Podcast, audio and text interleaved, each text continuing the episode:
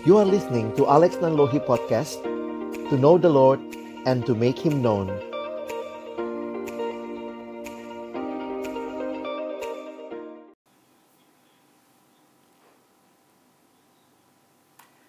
Mari sama-sama kita berdoa sebelum kita membaca merenungkan firman Tuhan. Ya Tuhan, sumber segala kekuatan, Tuhan pemilik kehidupan kami. Kami datang kepadamu di tahun yang baru ini mengucap syukur ya Tuhan. Karena pimpinan kasih dan penyertaan-Mu, kami boleh ada sebagaimana kami ada saat ini semua karena kasih setia Tuhan. Bersama-sama kami rindu pada pagi hari ini mengawali seluruh proses di dalam kami menjalani tahun ini di dalam ibadah kepada Tuhan. Kami merindukan, biarlah Engkau menjadi yang utama ya Tuhan, di dalam kami menjalani tahun yang baru ini.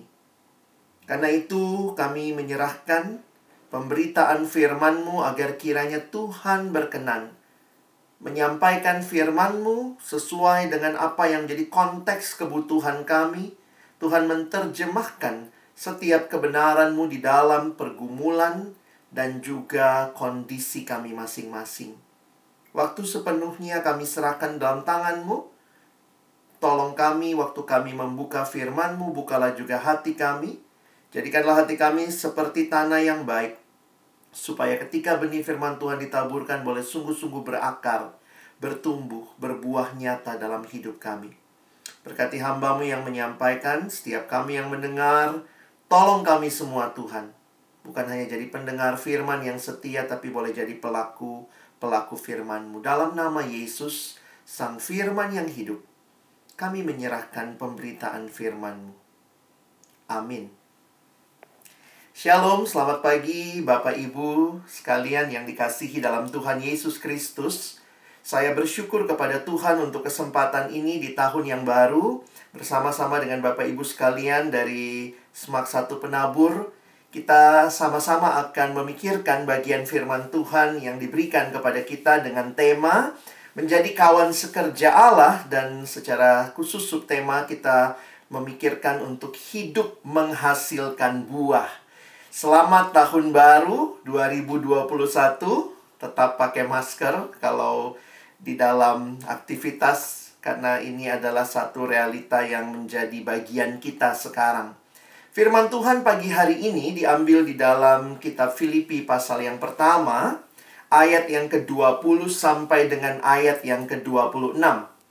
Mari Bapak Ibu sekalian, saya mengajak kita akan membaca bagian ini. Saya akan bacakan bagi kita. Seluruh ayatnya saya sudah tulis di screen sehingga Bapak Ibu bisa mengikuti bersama-sama. Filipi pasal yang pertama, ayat yang ke-20 sampai dengan ayat yang ke-26. Sebab yang sangat kurindukan dan kuharapkan ialah bahwa aku dalam segala hal tidak akan beroleh malu melainkan seperti sedia kala, demikian pun sekarang. Kristus dengan nyata dimuliakan di dalam tubuhku, baik oleh hidupku maupun oleh matiku. Karena bagiku hidup adalah Kristus dan mati adalah keuntungan. Tetapi jika aku harus hidup di dunia ini, itu berarti bagiku bekerja memberi buah. Jadi mana yang harus kupilih, aku tidak tahu. Aku didesak dari dua pihak. Aku ingin pergi dan diam bersama dengan Kristus. Itu memang jauh lebih baik. Tetapi lebih perlu untuk tinggal di dunia ini karena kamu. Dan dalam keyakinan ini, taulah aku. Aku akan tinggal dan akan bersama-sama lagi dengan kamu sekalian, supaya kamu makin maju dan bersuka cita dalam iman, sehingga kemegahanmu dalam Kristus Yesus makin bertambah karena aku. Apabila aku kembali kepada kamu. Demikianlah pembacaan firman Tuhan. Berbahagialah kita yang bukan hanya membacanya, tetapi juga merenungkannya, melakukan dalam hidup kita, dan juga membagikannya. Bapak Ibu yang dikasihi dalam Tuhan Yesus Kristus, ada satu kutipan tentang kekristenan yang saya senang. Kalimatnya demikian, Christianity is not a religion, it's a relationship with God through Jesus Christ. Apa yang menarik dari kutipan ini karena waktu berbicara tentang kekristenan, kekristenan bukanlah serangkaian nasihat keagamaan. Kekristenan bukan seperangkat ajaran kehidupan. Kekristenan bukan juga sekadar uh, sebuah ritual belaka, tetapi kekristenan di dalamnya adalah relasi dengan Allah di dalam dan melalui anaknya Yesus Kristus. Ini adalah satu relasi pengenalan. Mengenal Allah, knowing God. Dan saya pikir Bapak Ibu sekalian bicara tentang mengenal, tentunya pengenalan itu sesuatu yang lebih dari sekadar informasi. Bapak Ibu kita butuh informasi termasuk di dalam iman kita kita butuh pengenalan akan Tuhan tetapi bukan sekadar informasi tetapi juga melibatkan relasi. Sebagai contoh, kalau ditanya, apakah Bapak Ibu tahu Presiden Indonesia yang perempuan? Nah, mungkin Bapak Ibu langsung bisa jawab, ya Ibu Megawati. Saudara tahu Ibu Megawati. Tapi kalau saya tanya lebih jauh, apakah saudara kenal Ibu Megawati? Nah, mungkin di sinilah kita bisa membedakan pengetahuan itu sesuatu yang dibutuhkan, tetapi bicara pengenalan itu sudah melibatkan sebuah relasi. Pengenalan akan Tuhan, knowing God, inilah yang menjadi sebenarnya inti dalam kehidupan kekristenan kita. Dan itu juga yang pagi hari ini saya rindu ketika sama-sama kita akan memikirkan tema ini. Kita membahasnya bukan di dalam segi pengetahuan belaka, tetapi ini bicara tentang pengalaman yang hidup dengan Allah. Apa yang Paulus sampaikan di dalam bagian yang kita baca tadi, ini merupakan bagian yang sekali lagi kalau Bapak Ibu perhatikan adalah relasi Paulus dengan Allah dan itu sangat kental di sepanjang surat Filipi. Gereja Filipi sendiri adalah gereja yang muncul atau dirintis oleh Paulus dan teman-teman sekerjanya. Ada Silas, Timotius, Lukas, dan ini adalah gereja yang berdiri melalui pelayanan misi Paulus yang kedua sebagai tanggapan terhadap penglihatan yang Allah berikan kepada mereka di Troas. Dan ini menjadi hal yang sangat Paulus hayati dan sadari. Sehingga di Filipi pasal 1 ayat 6 Paulus berkata akan hal ini aku yakin sepenuhnya. Yaitu ia yang memulai pekerjaan yang baik di antara kamu akan meneruskannya sampai pada akhirnya pada hari Kristus Yesus. Allah yang memulai dan Allah yang akan meneruskan sampai pada akhirnya. Tetapi sekali lagi Allah yang memulai, Allah yang memulai di dalam satu realita yang menarik. Karena kalau tadi saya katakan ini adalah gereja yang dirintis oleh pelayanannya Rasul Paulus. Tetapi di sisi yang lain Paulus bisa melihat Allah yang bekerja di balik semua itu. Sehingga saya pikir di sinilah penting sekali sebagaimana yang jadi bagian kita juga bicara menjadi kawan sekerja sadar betul bahwa Allah bekerja, itulah yang membuat kita juga mengerjakan bagian kita. Terima kasih tadi Pak Yus pengantar yang baik. Saya kutip lagi pengantar yang disampaikan. Menjadi kawan sekerja artinya dua pihak bersepakat mengerjakan sesuatu. Menjadi kawan sekerja Allah artinya yang bersepakat bekerja sama adalah Allah di satu pihak dan di pihak lain manusia. Allah yang berinisiatif menjadikan kita kawan sekerjanya. Luar biasa. Kalau Bapak Ibu lihat gambar yang saya pilih, Allah yang berinisiatif menjadikan kita kawan sekerjanya. Tapi jangan lupa waktu bicara partnership maka berubah salamannya ya. Karena ini setara. Allah mengerjakan bagiannya dan Allah pula yang memberikan kemampuan kepada kita untuk menjadi kawan sekerjanya. Dengan demikian, nah saya senang bagian ini ya. Kita patut amat bersyukur dijadikan kawan sekerja Allah sekaligus berusaha sungguh-sungguh untuk menjadi mitra yang dapat dipercaya. Sehingga Bapak Ibu Saudara sekalian, sekali lagi kekristenan bukan sekadar agama, tetapi sebuah relasi yang hidup dengan Allah karena di dalamnya ada bagian yang Bapak Ibu Saudara dan saya harus lakukan dan ada bagian yang Tuhan juga lakukan. Nah, saya akan fokus kepada bagian subtema kita mengerti tentang apa artinya. Ketika Paulus berkata di ayat 22, ini ayat kunci kita pagi ini. Tetapi jika aku harus hidup di dunia ini, itu berarti bagiku bekerja memberi buah. Jadi mana yang harus kupilih? Aku tidak tahu. Ada konteks apa yang sebenarnya muncul sehingga Paulus mengatakan ayat 22. Saya pikir kita perlu mengerti ayat ini di dalam latar belakangnya. Nah, sebagaimana yang kita pahami dalam surat Filipi ini, Bapak Ibu perlu memahami bahwa Paulus pada saat itu kondisinya sedang di dalam penjara. Dan waktu dalam kondisi di penjara, saya pikir ini tentunya tidak mudah bagi Paulus. Bahkan dalam konteks pada masa itu, apa yang terjadi pada Paulus mungkin saja membawa kepada kematian. Itu yang kita lihat dan baca di dalam beberapa ayat yang ada sebelumnya Nah, saya ingin ajak kita lihat Bapak Ibu bisa perhatikan ya di Filipi, masih di Filipi pasal 1 ayat 12 misalnya sampai ayat 14, aku menghendaki saudara-saudara supaya kamu tahu bahwa apa yang terjadi atasku ini justru telah menyebabkan kemajuan Injil sehingga telah jelas bagi seluruh istana dan semua orang lain bahwa aku dipenjara dipenjarakan karena Kristus. Jadi maksudnya Paulus dalam penjara pun karena mereka tahu Paulus dipenjarakan karena Kristus di situ Injil semakin dikenal. Mungkin orang jadi bertanya-tanya, apa sih yang membuat Paulus sampai di penjara sehingga akhirnya orang cari tahu begitu ya, apa sih yang terjadi? Injil seperti apa yang Paulus beritakan? Dan ayat 14 Paulus menegaskan dan kebanyakan saudara dalam Tuhan telah beroleh kepercayaan karena pemenjaraanku untuk bertambah berani berkata-kata tentang firman Allah dengan tidak takut. Jadi, kalau Bapak Ibu perhatikan, Paulus ini bukan orang yang lagi desperate di penjara. Aduh, lagi di penjara ya sudahlah, begitu ya.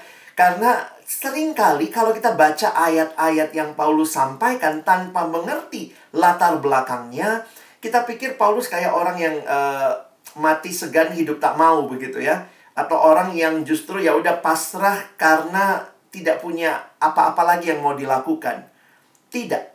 Dalam ayat ini kita jadi mengerti bahwa Paulus pun sangat menghayati bahwa pemenjaraannya pun bisa dipakai Tuhan untuk kebaikan. Dan kalau kita perhatikan, saya katakan tadi di penjara pada masa itu dalam konteks pemerintahan Romawi, maka mungkin juga Paulus bisa sampai dibunuh. Dan kita tahu pada akhirnya memang Paulus matinya martir, tetapi kalau saudara perhatikan di dalam kitab Filipi ini nampaknya Paulus punya keyakinan yang lain. Paulus yakin dia akan dibebaskan. Nampaknya itu keyakinan yang dia sharingkan. Memang sesudah itu, sesudah Paulus dibebaskan, dia melayani kembali. Dan sejarah gereja mencatat memang pada akhirnya Paulus dipenjara lagi dan akhirnya mati sebagai martir. Tetapi di dalam kitab Filipi, coba perhatikan beberapa ayat ini. Paulus punya keyakinan karena aku tahu bahwa kesudahan semuanya ini ialah keselamatanku oleh doamu dan pertolongan roh Yesus Kristus. Jadi nampaknya kalau Bapak Ibu perhatikan Paulus tuh sangat berharap dia dibebaskan dan memang sejarah gereja mencatat setelah pemenjaraan ini nampaknya Paulus dibebaskan. Ayat 25 juga menyatakan itu.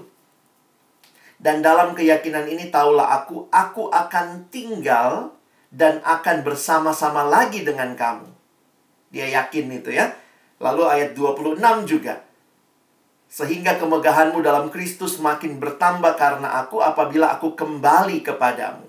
Jadi kalau kita simpulkan kondisi Paulus memang ada di dalam penjara, tetapi Paulus punya keyakinan oleh doa jemaat Tuhan akan membawa dia kembali. Tetapi bagi saya yang menarik adalah ada dua hal yang perlu kita ingat waktu memahami ayat 22 tadi. Apa itu? Saya ingin mulai dengan yang pertama. Bapak Ibu Saudara perhatikan bahwa Paulus berfokus hanya pada Kristus. Sebenarnya bagi Paulus tidak masalah dia ada di mana. Karena bagi Paulus hidup itu yang paling utama fokusnya kepada siapa? Kadang-kadang buat kita yang hidup di masa modern ya dalam penjara ya siapa yang mau begitu ya. Tapi kalau kita tahu Paulus di penjara karena dia memberitakan Injil, maka sekali lagi tidak masalah Paulus ada di mana. Yang bagi dia sangat utama adalah Paulus sedang bersama dengan siapa dan sedang fokus kepada siapa. Ayat 20 kalau kita perhatikan Sebab yang sangat kurindukan kata Paulus dan kuharapkan ya ini bagian yang kita baca tadi ialah bahwa aku dalam segala hal tidak akan beroleh malu melainkan seperti sedia kala demikian pun sekarang Kristus dengan nyata dimuliakan di dalam tubuhku baik oleh hidupku maupun oleh matiku. Jadi Bapak Ibu Saudara kalau perhatikan ayat ini fokus Paulus hanya Yesus, baik dia hidup maupun dia mati. Jadi bagi kita kalau kita perhatikan karena banyak orang salah mengerti ayat berikut ya, ayat 21 tadi ayat 20. Ayat ini kan sering kali karena bagiku hidup adalah Kristus dan mati adalah keuntungan. Sekarang kalau dengar ayat itu pun kita jadi lupa begitu ya. Ini bukan ayatnya Ahok ya. Ahok me menyatakannya tetapi ini sebenarnya apa yang Paulus sampaikan. Kalau langsung Bapak Ibu perhatikan ayat 21 seolah-olah Paulus orang yang ya udahlah mati aja deh gitu ya. Kita juga kadang-kadang begitu ya kalau pergumulan hidup berat gitu. Ah mati aja lah.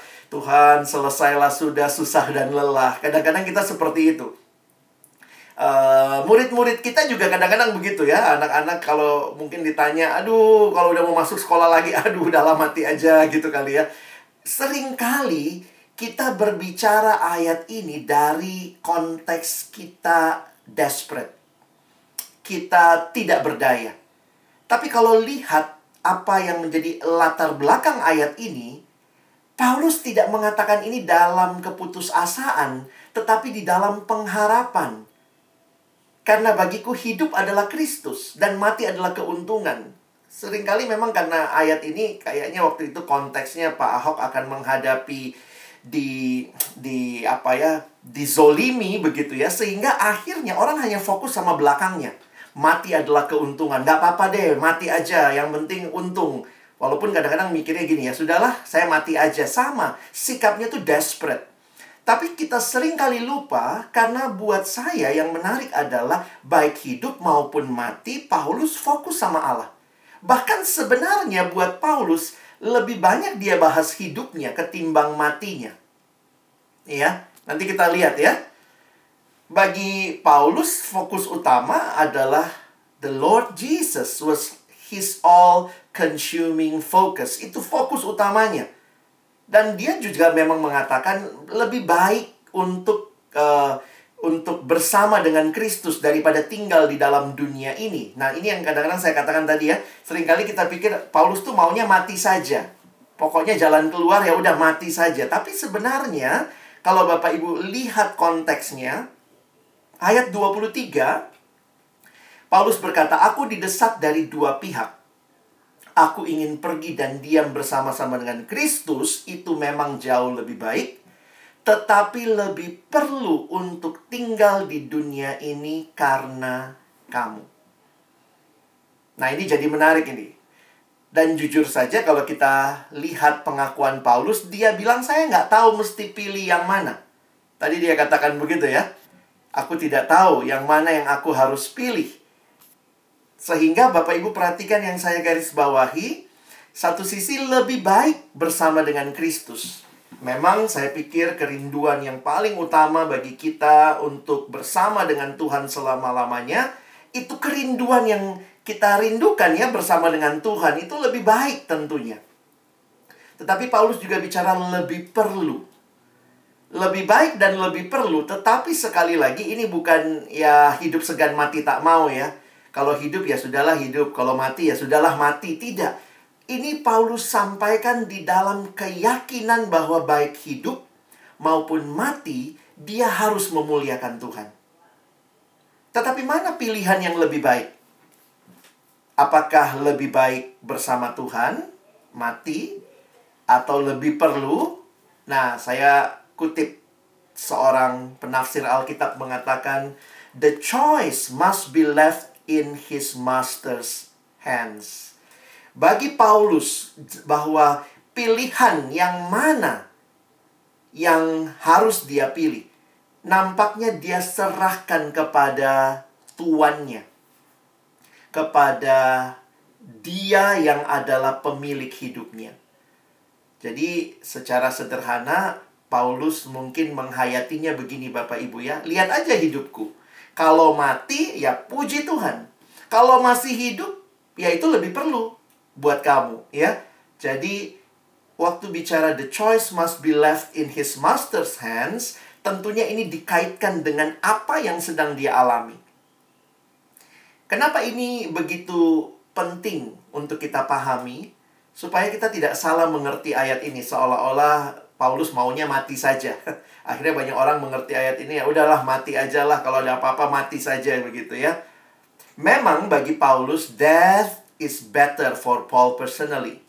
But as a slave of Jesus, Bapak Ibu nanti perhatikan di dalam Filipi 1 ayat 1 Paulus menggunakan keterangan aku ini hamba. Ya. Makanya dia pakai istilah slave, doulos. Sehingga tadi dia serahkan pilihannya bukan pada apa yang dia mau, tapi pada Tuhan yang memanggil dia. Paul wants to do God's will now for the growth and joy of his friends Philippians. Paulus rindu apa yang terjadi pada dirinya. Realitanya dia belum mati realitanya dia belum mati. Buat Paulus kan baik hidup maupun mati, fokusnya pada Tuhan. Dan realitanya dia belum mati, karena itu hal kedua. Hidup Paulus adalah berbuah bagi sesama. Sekali lagi Bapak Ibu lihat ayat kunci kita ya. Mudah-mudahan kita makin paham nih. Tetapi jika aku harus hidup di dunia ini. Jadi ini bukan ya nggak mati, ya hidup deh aku gitu ya. Nggak, nggak. Ini cara cara pikirnya jangan begitu. Kita harus mengerti baik hidup maupun mati. Paulus fokusnya sama Tuhan. Dan kalau dia harus hidup di dunia, maka dia katakan, ini berarti bagiku bekerja memberi buah. Nah, nanti kalau kita lanjutkan, jadi mana yang aku harus pilih? Ya itu yang tadi dia bilang ya. Uh, dia menyerahkan kepada Tuhan yang memiliki hidupnya. Jadi hidup Paulus bukan tentang dirinya. Life and death is not about himself. His concern and love is for his brothers and sisters in Philippi. Fokusnya dan juga kasihnya kepada jemaat di Filipi. Dan tentunya juga bagi umat Allah secara umum. Saudara perhatikan, bagi saya menarik sekali tidak kebetulan Paulus memulai pelayanan di Filipi. Paulus tahu betul ini inisiatif Allah. Tapi belajar menangkap hati Allah. Bagi saya ini bagian Paulus. Ketika tadi di Filipi 1 ayat 6 dia katakan Allah yang telah memulai, tapi menarik di ayat yang ketujuh, memang sudahlah sepatutnya aku berpikir demikian akan kamu semua, sebab kamu ada di dalam hatiku. Wah, Bapak Ibu ini bagi saya menarik ya. Saya nggak tahu Bapak Ibu ada di Semak 1 kenapa nih ya? Apa karena nggak dikasih di lokasi lain atau memang minta ada di lokasi ini atau sebenarnya nggak pengen sih di lokasi ini ya, pengennya ada di tempat lain. Tapi bisakah kita mengerti bahwa kalau ini adalah rencana Allah menaruh Bapak Ibu di situ, maka pertanyaannya apakah orang-orang yang Bapak Ibu layani, ya mungkin dalam hal ini orang tua, murid gitu ya, apakah mereka ada di hati kita? Maksudnya mengerti, memang Allah yang memulai, Allah yang menempatkan. Mungkin ini bukan yang saya mau. Tetapi kemudian belajar melihat dan menaruh orang-orang yang dilayani ini ada di dalam hati. Ini relasi yang sangat dekat. Pelayanan yang relasional lahir juga dari relasi dengan Allah. Dan Paulus mengerti bahwa melalui hidupnya dia dapat kesempatan karena Paulus belum mati berarti dia masih hidup. Kalau dia masih hidup dia katakan ini buat jemaat Filipi yang dia taruh di hatinya. Ini adalah sebuah opportunity to help, to teach, to encourage and guide them. Ini berarti kesempatan untuk menolong, untuk mengajar, untuk menguatkan, untuk menuntun mereka. Tapi ini satu hal yang saya temukan dalam persiapan perenungan pribadi saya. Ternyata kalau Paulus melayani mereka, Bapak Ibu jangan lupa loh. Itu berarti juga bahwa untuk melakukan itu, Paulus siap dengan resikonya, yaitu penderitaan. Jangan lupa, Paulus ada di penjara karena memberitakan Injil. Nah, kalau dia masih hidup dan dia akan kembali melayani jemaat Filipi, oh, ini kesempatan dia membimbing mereka. Tapi jangan lupa, pada saat yang sama, kesempatan hidup itu juga berarti kesempatan untuk menderita. Nanti Bapak Ibu lihat ya, ayat 29 itu dia bilang ya, bahwa kita dipanggil bukan hanya untuk uh, mengenal ya, tetapi juga untuk menderita itu adalah kasih karunia. Jadi kadang waktu saya selama ini saya nggak pernah kepikir gitu. Saya pikir oh yang penting kalau Paulus hidup berarti dia menjadi berkat bagi jemaat. Tapi untuk menjadi berkat berarti dia harus juga mengalami penderitaan. Bapak Ibu kadang banyak dari kita mimpi jadi berkat. Wah saya mau jadi berkat. Tapi kita nggak mau menderitanya. ya Itu bagi saya kayak waktu persiapan iya ya nggak klop juga ya. Kita mimpi jadi berkat tapi kita nggak mau menderita. Bukankah Yesus yang memberi teladan kepada kita? Perhatikan bapak ibu ya. Kalau bapak ibu perhatikan ya supaya makin maju bersuka cita dalam iman akhirnya kemegahan dalam Kristus makin bertambah. Tapi ini butuh self sacrifice ministry requires self sacrifice dan Paulus justru bersyukur ya. He was pleased to contribute to the spiritual growth of others so that their boasting in Christ Jesus could abound. Dia bersyukur untuk kesempatan bisa berkontribusi. Walaupun itu berarti pengorbanan. Kalimat dalam satu tafsiran yang saya baca ini menarik sekali. Dia bilang begini, By willingly laying down his life for the Philippians, Paul was simply following the footstep of his master Jesus Christ. Jangan lupa saudara, ketika Paulus mau jadi berkat bagi jemaat Filipi, mau hidup melayani mereka supaya mereka makin bertumbuh, ternyata juga ini ada pengorbanan. Bahkan Paulus boleh katakan uh, dia menyerahkan dirinya ya untuk jemaat Filipi dan ini sebenarnya meniru apa yang Yesus lakukan. Kalau saudara mau melayani seperti Yesus, maka ingat ya, Yesus tidak lewat jalan tol, Bapak Ibu ya. Yesus kan bukan lewat jalan bebas hambatan. Pelayanan Yesus dia lewat jalan salib yang berarti jalan penderitaan, tetapi ada kemuliaan di dalamnya. Tidak mudah. Hidup Paulus, ini kesimpulan kita pagi ini ya hidup Paulus adalah fokus pada Kristus. Sehingga baik hidup mati, dia bagi Tuhan. Dan fokus hidup Paulus adalah dia berbuah bagi sesama. Dan itu juga berarti dia rela memberikan yang terbaik. Yaitu bahkan nyawanya bagi jemaat. Bapak Ibu, apa sih rahasia hidup berbuah ya? Saya coba kutip dari bagian lain, ayat yang sangat terkenal. uh, Yohanes pasal 15 ya, ayat yang kelima. Tuhan Yesus berkata begini. Akulah pokok anggur dan kamulah ranting-rantingnya. Dan barang siapa tinggal di dalam aku dan aku di dalam dia, ia berbuah banyak. Nah, kalimat ini menarik. Sebab di luar aku kamu tidak dapat berbuat apa-apa. Bapak Ibu perhatikan, hanya relasi kita yang hidup dengan Tuhan yang akan memastikan kita mengalami hidup yang berbuah banyak. Saya baru perhatikan juga ya, beberapa kali ya bahwa kita hamba Tuhan sering baca ayat, sering khotbah, tapi setiap kali persiapan baru perhatikan juga ya. Tuhan Yesus ternyata rindu kita bukan cuma berbuah Bapak Ibu. Lihat ayat ini ya. Tuhan bukan cuma rindu kita berbuah, tetapi dia mau berbuah banyak. Dan lihat segala upaya Tuhan lakukan supaya kita berbuah banyak. Itu itu pekerjaan Allah ya.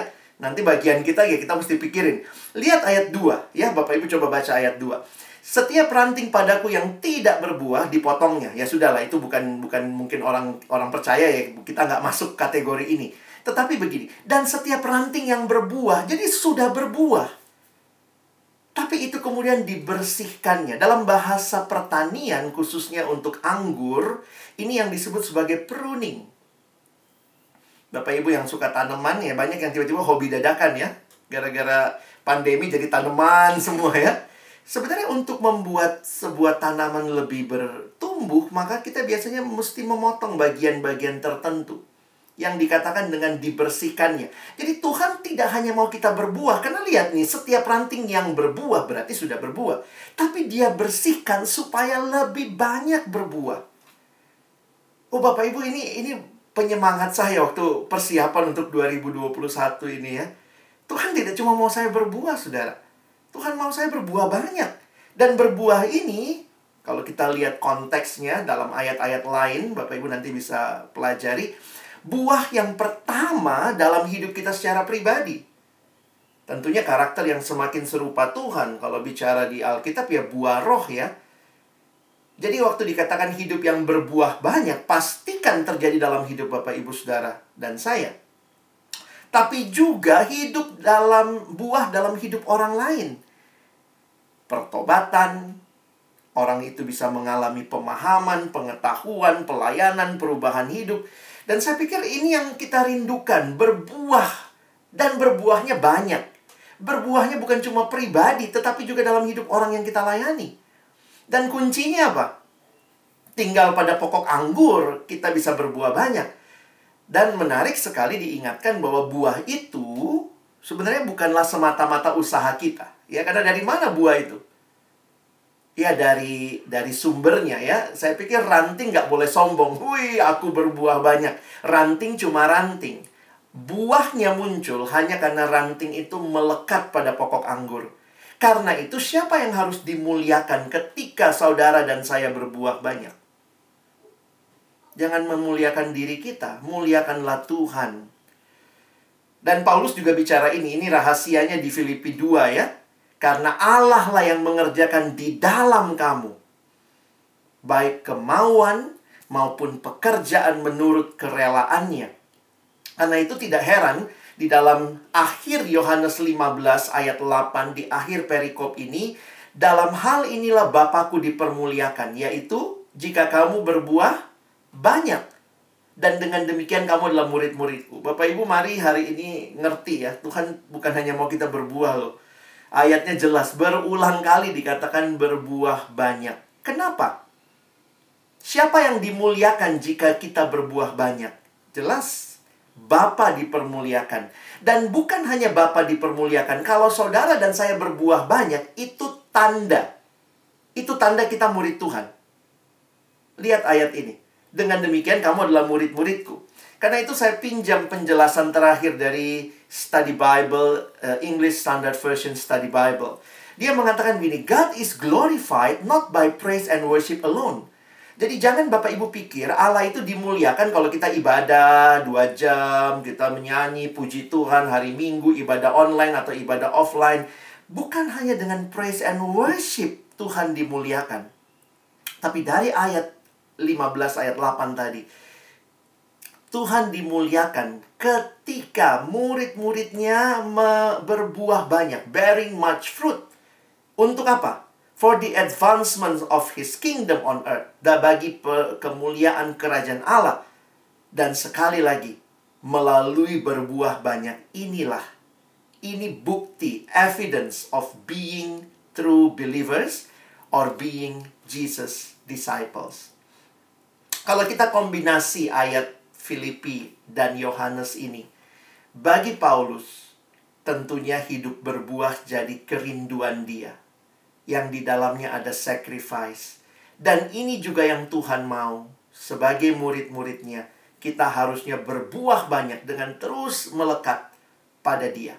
Jadi kesimpulannya sama. Focus on Jesus help bearing much fruit. Fokus kepada Kristus membuat kita berbuah banyak. Apa refleksinya bagi kita setelah kita mengerti ayat yang sangat indah ini? Saya sadar betul situasi belum selesai. Corona ini masih jadi bagian kita. Ya, Bapak, Ibu, Saudara sekalian, tidak mudah ya. Kita sudah lalui tahun 2020 yang mungkin bagi banyak orang tidak mudah ada yang mengalami kehilangan duka cita, ada yang mengalami titik terendah dalam hidup. Bukan hanya buat kita, buat orang-orang yang kita layani, anak-anak kita juga tidak mudah. Dan ini bukan hanya dialami di kota kita Jakarta, di seluruh Indonesia, bahkan seluruh dunia. Corona yang awalnya cuma masalah kesehatan telah jadi masalah kehidupan sosial, ekonomi, politik bahkan pendidikan, kita harus belajar PJJ seperti ini. Tidak mudah. Lalu bagaimana memasuki tahun 2021 ya dengan corona yang masih seperti itu?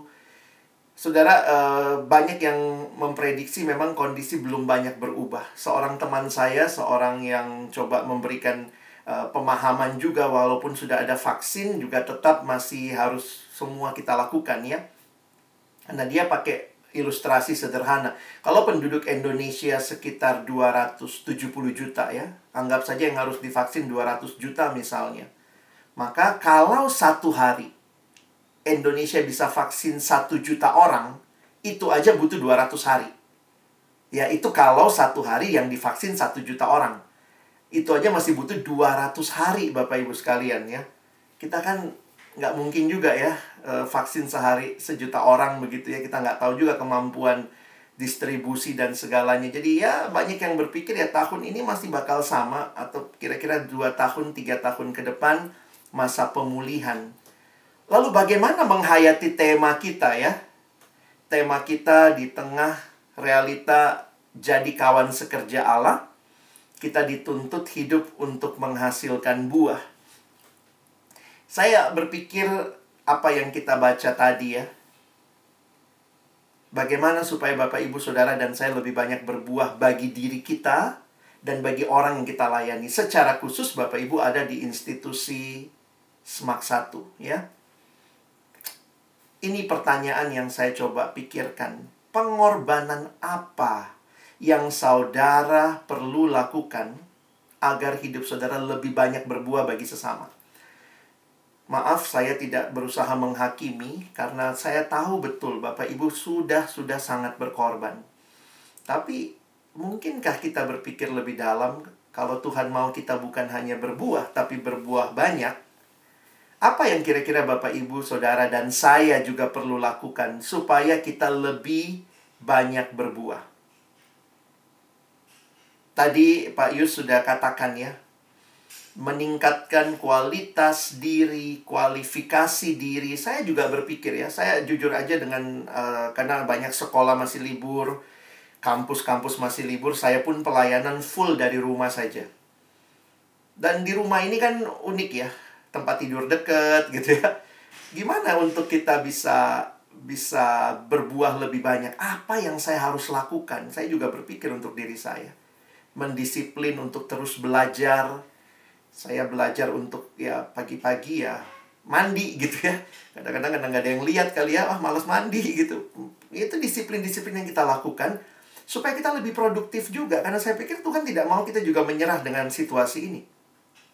Belajar untuk, uh, kalau buat saya, saya belajar untuk terus baca buku, dengar khotbah, minimal sehari dua khotbah saya dengar, baca sekitar 20 lembar. Itu bagian dalam dalam dalam mengembangkan diri. Padahal yang jujur aja yang dilakukan kan sebenarnya sama aja. Bapak Ibu juga kalau sudah mengajar 10 tahun, 5 tahun, 10 tahun, itu pelajaran udah di dalam kepala ya, udah ngelotok lah, bukan di luar kepala, di dalam malah ya. Kalau di luar kan masih bisa hilang Bapak Ibu ya. Udah di dalam itu. Udah kadang-kadang kita tutup mata pun bisa ngajar. Tapi apakah hanya itu? Bagaimana saudara meningkatkan kualitas diri saudara? Bagi juga perkembangan bukan hanya diri Bapak Ibu Saudara, tapi juga orang-orang yang Bapak Ibu layani. Saya pikir ini kita perlu pikirkan bersama. Dan termasuk sinergi apa yang kita bersama perlu lakukan agar institusi ini semak satu. Secara khusus Bapak Ibu ada di sini, ada guru, ada kepala sekolah, wakil kepala sekolah, ada karyawan, ada staff, semua yang ada, bagaimana sinergi kita. Supaya kita lebih banyak berbuah. Nah, fokus saya memang pagi ini adalah lebih banyak berbuah. Bagaimana Bapak Ibu? Apa sinergi? Kita harus korbankan ego kita, ego bidang kita, ego mata pelajaran kita, supaya kita bisa sinergi dengan yang lain, kita bisa jadi berkat bagi satu sama lain. Dan mari terus kita pikirkan ya dua pertanyaan ini bagi diri kita maupun bagi institusi ini. Dalam proses belajar mengajar, apa yang Bapak Ibu akan lakukan supaya kita lebih banyak berbuah? Dalam pekerjaan, tadi juga dalam pergaulan kita. Tentu ada relasi-relasi yang kita bangun dalam relasi-relasi kita. Apa yang akan kita lakukan supaya kita lebih banyak berbuah? Termasuk juga ya, tadi e, Ibu Silvi juga ingatkan ya, di rumah tangga kita. Apa yang akan kita lakukan? Karena banyak waktu di rumah Bapak Ibu ya. Apa yang akan dilakukan juga supaya kita lebih banyak berbuah dengan anak-anak, dengan keluarga, dengan suami, dengan istri. Saya rindu kita benar-benar berpikir mendalam, menjadi rekan sekerja Allah di dunia yang sedang tidak mudah ini. Tapi Tuhan yang panggil kita, Tuhan yang mau saudara dan saya terus berbuah dan bahkan lebih banyak berbuah. Karena itu masukilah hari-hari tahun ini dengan terus berserah kepada Tuhan. Betul ini tahun baru, new year. Tapi ingatlah, we still have the same God. He is with us. Allah yang sama. Dia Allah yang menyertai kita dan tidak meninggalkan kita. Berjalanlah bersama Dia. Pastikan hidup saudara dan saya juga akan berbuah semakin banyak bagi kemuliaan namanya. Amin.